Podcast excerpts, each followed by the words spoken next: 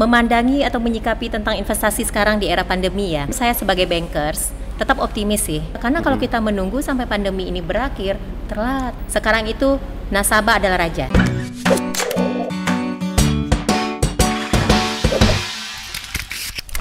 Halo Tribuners dan selamat datang di Tripod Tribun, Tribun Podcast. So tentunya senang banget nih eh, barengan gua Angga Prega dan kembali menyapa Tribuners. Tentunya temanin my partner pastinya the one and only Mr. Danang di sini. Iya, iya. Ya. Siap. Kali ini kita pindah lokasi lagi. Kita lagi ada di galeri marketingnya Orchard Park nih, Orchard Mas Park Danang. ya, Orchard Park Ah, ah. Batam.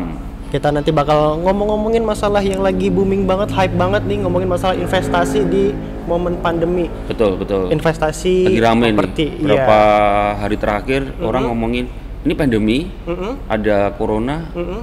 masih bisa nggak sih berinvestasi? Bener. Ya. Ternyata ada peluang yang sangat menarik nih Ya. di momen pandemi Seperti ini. judul kita ya. Ah, ah, nanti kita Kita bakal tahu, pengen tahu jawabannya nanti Bener. langsung kita langsung cari tahu informasinya dari Betul. langsung ahlinya di sini. Mm-mm, ya. Karena itu kata kita di samping saya juga sudah hadir di sini ada, ada Pak Subur. Pak Subur. Yes. Ya. Halo, selamat sore, Pak Subur. Ya. Halo. Dan Pak Subur GM Marketing Orchard Park Batam. Ah, ah. Bener Pak ya? Yes. Subur ya. Ya, salam kenal para Tribuners. dan di sebelahnya salah satu uh, satu-satunya wanita paling cantik yang ada di sini. Karena satu-satunya wanita yang ada di sini ya. ya. Iya, iya, betul. ada Mbak Leni Susanti. Halo Mbak Leni. Halo. Halo Mbak. Iya, halo. Ya, Mbak Leni ini uh, Vice President Regional Business Manager Mortgage Sumatera 2 ya Mbak ya? Iya benar. Si- Bank CIMB CIMB Niaga. CIMB Berarti Niaga. di Medan Mbak atau di sini? Eh, Oke saya jelasin ya. Ah, ah. Kalau Sumatera 2 itu ruang lingkupnya tuh Batam, Lampung, Ah, sama Palembang. Tapi Oh. untuk eh, office-nya saya eh, minta di Batam. Karena Oh, kalau Batam tuh hubnya ke mana-mana deket ya. Oh, oke. Kalau apa? Ah, eh, po- kita kan mau ngomong soal investasi nih. Benar. Mau ngobrol-ngobrol, emang eh, masih bisa nih di kondisi Iya. seperti ini kita investasi ya. Nanti kita nanti Mbak Leni bantu jelasin ya ke teman-teman tribuners ya karena sekarang kan banyak orang di PHK. Mohon maaf ya. Mm-mm. Kasihan nih, banyak orang gajinya di di Dipotong. potong. Ah, Ada ah. beberapa yang industri memang harus eh, apa? Stop tiarap. juga, Ah, ah, ah, ah. bahkan ada yang berhenti dan termasuk industri properti itu kan katanya kemarin sempat yang mungkin paling berat di di di masa-masa pandemi ini. Benar. Nah, nanti kita bisa eh, cari tahu jawabannya. Mungkin kalau dari sisi apa dari pengembang nanti ada Pak Subur bisa bantu jelasin. Nah, sekarang mungkin kita langsung soal investasi. Emang Iya. kondisi seperti ini kita masih memungkinkan untuk investasi. Mungkin Mbak Leni mungkin bisa bantu jelasin, Mbak. Oke Mas, eh, ini ya. Halo Tribuners, selamat sore.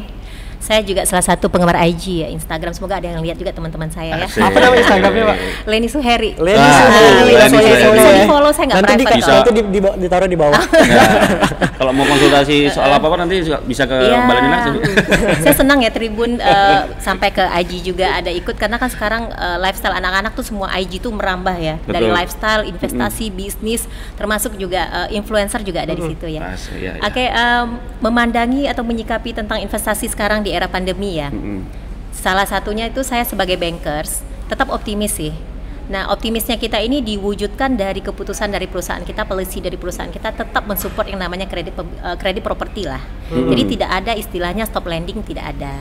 Jadi Hmm. artinya biasanya bank itu kan lebih rigid ya, lebih mereka tuh lebih eh, prudence, pasti akan melihat ini resikonya seperti apa. Harus hati-hati ya. Iya. Apalagi di ko- kondisi saat ini, Mbak ya. Iya, apalagi yang kita salurkan itu nanti adalah berupa dana pihak ketiga ya. Oh, oke oke. Jadi artinya untuk kita menyalurkan tuh benar-benar situasi harus kita cermati sebaik mungkin. Mm, mm, mm. Nah syukur alhamdulillahnya puji Tuhan itu semuanya itu sekarang tidak ada batasan. Kita seperti biasa as is ngalir aja. Mm. Tetapi memang ada beberapa batasan-batasan yang harus kita cermati. Jadi artinya bank pun sekarang masih tetap optimis kok.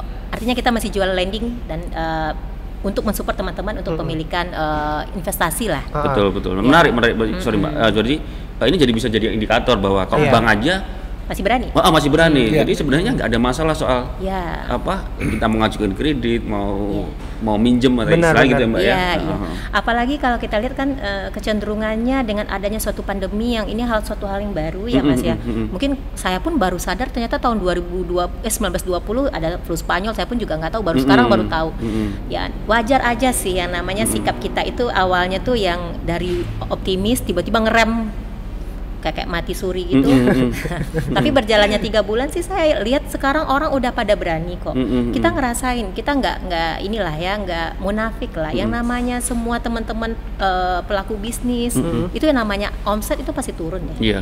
pasti turun. Tetapi begitu kita bandingkan lagi, eh, karena kita kan evaluasi kredit ya. Begitu kita lihat lagi mereka mengajukan eh, proposal atau apa, oke, is okay emang turun. Mm-mm, mm-mm. Siapa sih yang naik di zaman sekarang? Mm-mm. Tetapi begitu kita bandingkan di waktu virus ini baru masuk di Februari, Mm-mm. Februari, Maret dan April, ternyata trennya sekarang malah ada naik. Artinya ini saya bilang ini sentimen positif ya. Betul betul. Hmm. Artinya ya saya yakin orang Indonesia, masyarakat Indonesia itu orang lain respon di kita di, diramalkan bakalan terjun bebas malah Iya. enggak Malah kok. enggak, iya. Iya.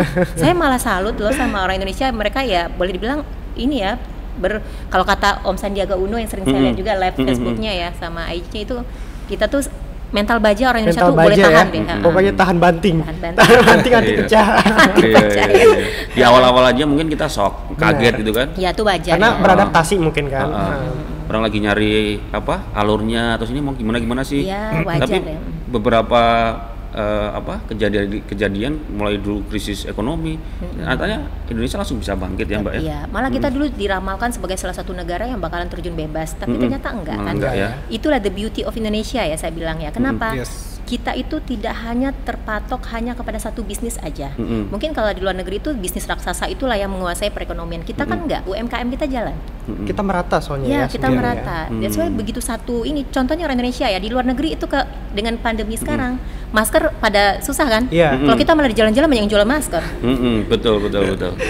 Artinya mereka selalu pintar melihat celah ya Ah. mental pejuang lah. Mm-mm. Nggak salah lah selama ini kalau ini. soal melihat celah atau peluang mbak, apa eh, soal investasi nih? Heeh. Tadi kan mungkin mungkin Ya, belum ya, dijawab ya. Iya, iya. Eh, Kira-kira memang kita masih di kondisi seperti ini, apalagi di pandemi corona saat ini, menurut Mbak Leni, kita masih tetap harus investasi. Oke.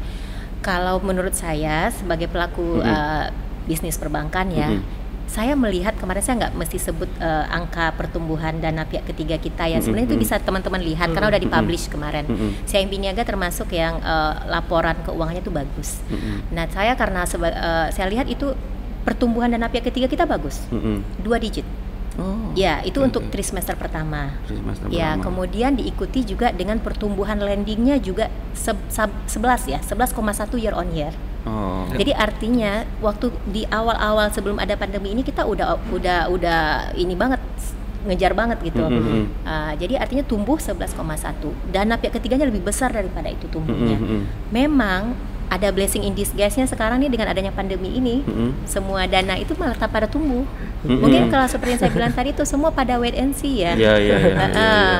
Nah, kalau menurut saya kita sebagai uh, orang bank kita pasti juga harus mengedukasi nasabah. Mm-mm. Dengan adanya pandemi seperti sekarang jangan khawatir. Jadi ibaratnya itu don't put your egg in the one basket gitu loh. Mm-mm. Cash is the king ya. Mm-mm. Sekarang cash itu memang harus raja lah untuk Mm-mm. apa-apa. Tapi kan nggak mungkin 100% dijadiin cash. Terus teman-teman investasinya gimana? Sekarang kalau cash kan dihargai berapa dong sama bank bunganya? Mm-mm. Nah, jadi kalau menurut saya cash tetap kita alokasikan. Mm-mm. Terus kemudian biar menjaga cash flow kita tidak terganggu, ya kemudian kita mau tetap invest di properti, ya gandeng bank dong. Hmm. Atau beli beli perumahan di developer atau Iya. properti yang memberikan program cicilan program Iya, DP cicilan, juga, fasilitas-fasilitas gitu. Kemudahan ya. Iya, karena kalau kita menunggu sampai pandemi ini berakhir, telat. Telat. Dan takutnya sekarang, kalau saya bilang ya, teman-teman eh, properti nih bilang, sekarang itu nasabah adalah raja. Iya. Bener-bener raja. Jadi yang datang ke developer sekarang mintanya macam-macam memang. Betul. Jadi- kita jarang nggak Iya. ya kan Pak Subur ya. Kita bisa minta apa aja Minta ke apa developer aja ya. Kita bisa request apa pun. Waktunya sekarang Ya. untuk berinvestasi kalau menurut saya. Jadi pasti akan di Semua akan memudahkan apa akan memudahkan ke dimudahkan. untuk customer ya, iya, developer ya. apa pasti akan dikasih stimulus sama kayak pemerintah kita sekarang kan banyak stimulus stimulus yang bagus yang diberikan. Mm-mm. Yang hal itu nggak mungkin kejadian deh kalau di situasi normal. Hmm. Jadi manfaatkan momen ini untuk Iya. properti tetap harus jalan. Jadi kalau Mm-mm. Kalau untuk investasi properti masih bagus sih Mbak Masih ya maksudnya. peluangnya ya. Nah, hitung-hitungannya gimana sih Mbak? Mengapa sih eh, saat ini kita harus berinvestasi Ya. properti? Jadi gini eh, Mas, kalau saya lihat ya, kita po- kalau berinvestasi itu kan ada long term ada short term. Oke. Hmm. Betul betul. Kalau short term itu yang kita lihat likuiditasnya. Oke. Jangan sampai likuiditas aku terganggu. Ya mungkin Mm-mm. bisa aja berupa cash atau emas. Mm-mm. Tapi kan kalau untuk long termnya, Mm-mm. property is the number one choice. Kenapa? Karena Number one choice. ya eh, teman-teman kan bisa lihat ya properti nggak akan ada yang turun harganya kan? Betul, betul, Iya, betul. iya. Mm-mm. Mm-mm. nggak akan ada yang Nggak turun, Mm-mm. apalagi belinya di tempat yang strategik, Mm-mm, developernya juga udah Developernya punya juga, nama, ah. Mm-mm. skalanya udah nasional, malah merambah internasional juga ada. Benar. Mm-mm. Jadi artinya teman-teman tuh harus berpikir eh, apa ya kalau investasi mau jangka panjang properti ya nggak apa-apa. Mm-mm. Eh, kita kan let's say sekarang memang pandemi, tapi kan berapa tahun ke depan kita kan jangan sampai terlambat gitu loh. Betul, betul. Misalnya ya kayak teman-teman yang mungkin dia tuh kayak fixed income, dia hanya bisa eh, kredit itu kan dengan usia produktif kan, Mm-mm. kecuali dia non fixed income. Jadi kalau dia tunda lagi 2 tahun, tiga tahun ini jangka waktu pinjamannya jadi akan lebih pendek. Hmm. Atau waktu berinvestasinya juga akan teralokasikannya juga lebih pendek. Mm-mm. Jadi saya bilang investasi sih tetap harus jalan ya. tetap harus jalan. Benar, Ya. benar. Mm-mm. Waspada boleh takut sekali jangan. Ya, benar-benar. Kemarin saya teman-teman ada teman ada kolega saya itu eh, cerita apa? Justru ketika pandemi itu dia tuh masih malah bisa menyisikan uangnya. Jadi dia bisa banyak yang dia bisa hemat gitu loh. Iya nggak bisa nonton. Terus dia kan? nanya, "Nang, duitnya buat apa ya?" Ya udah. iya.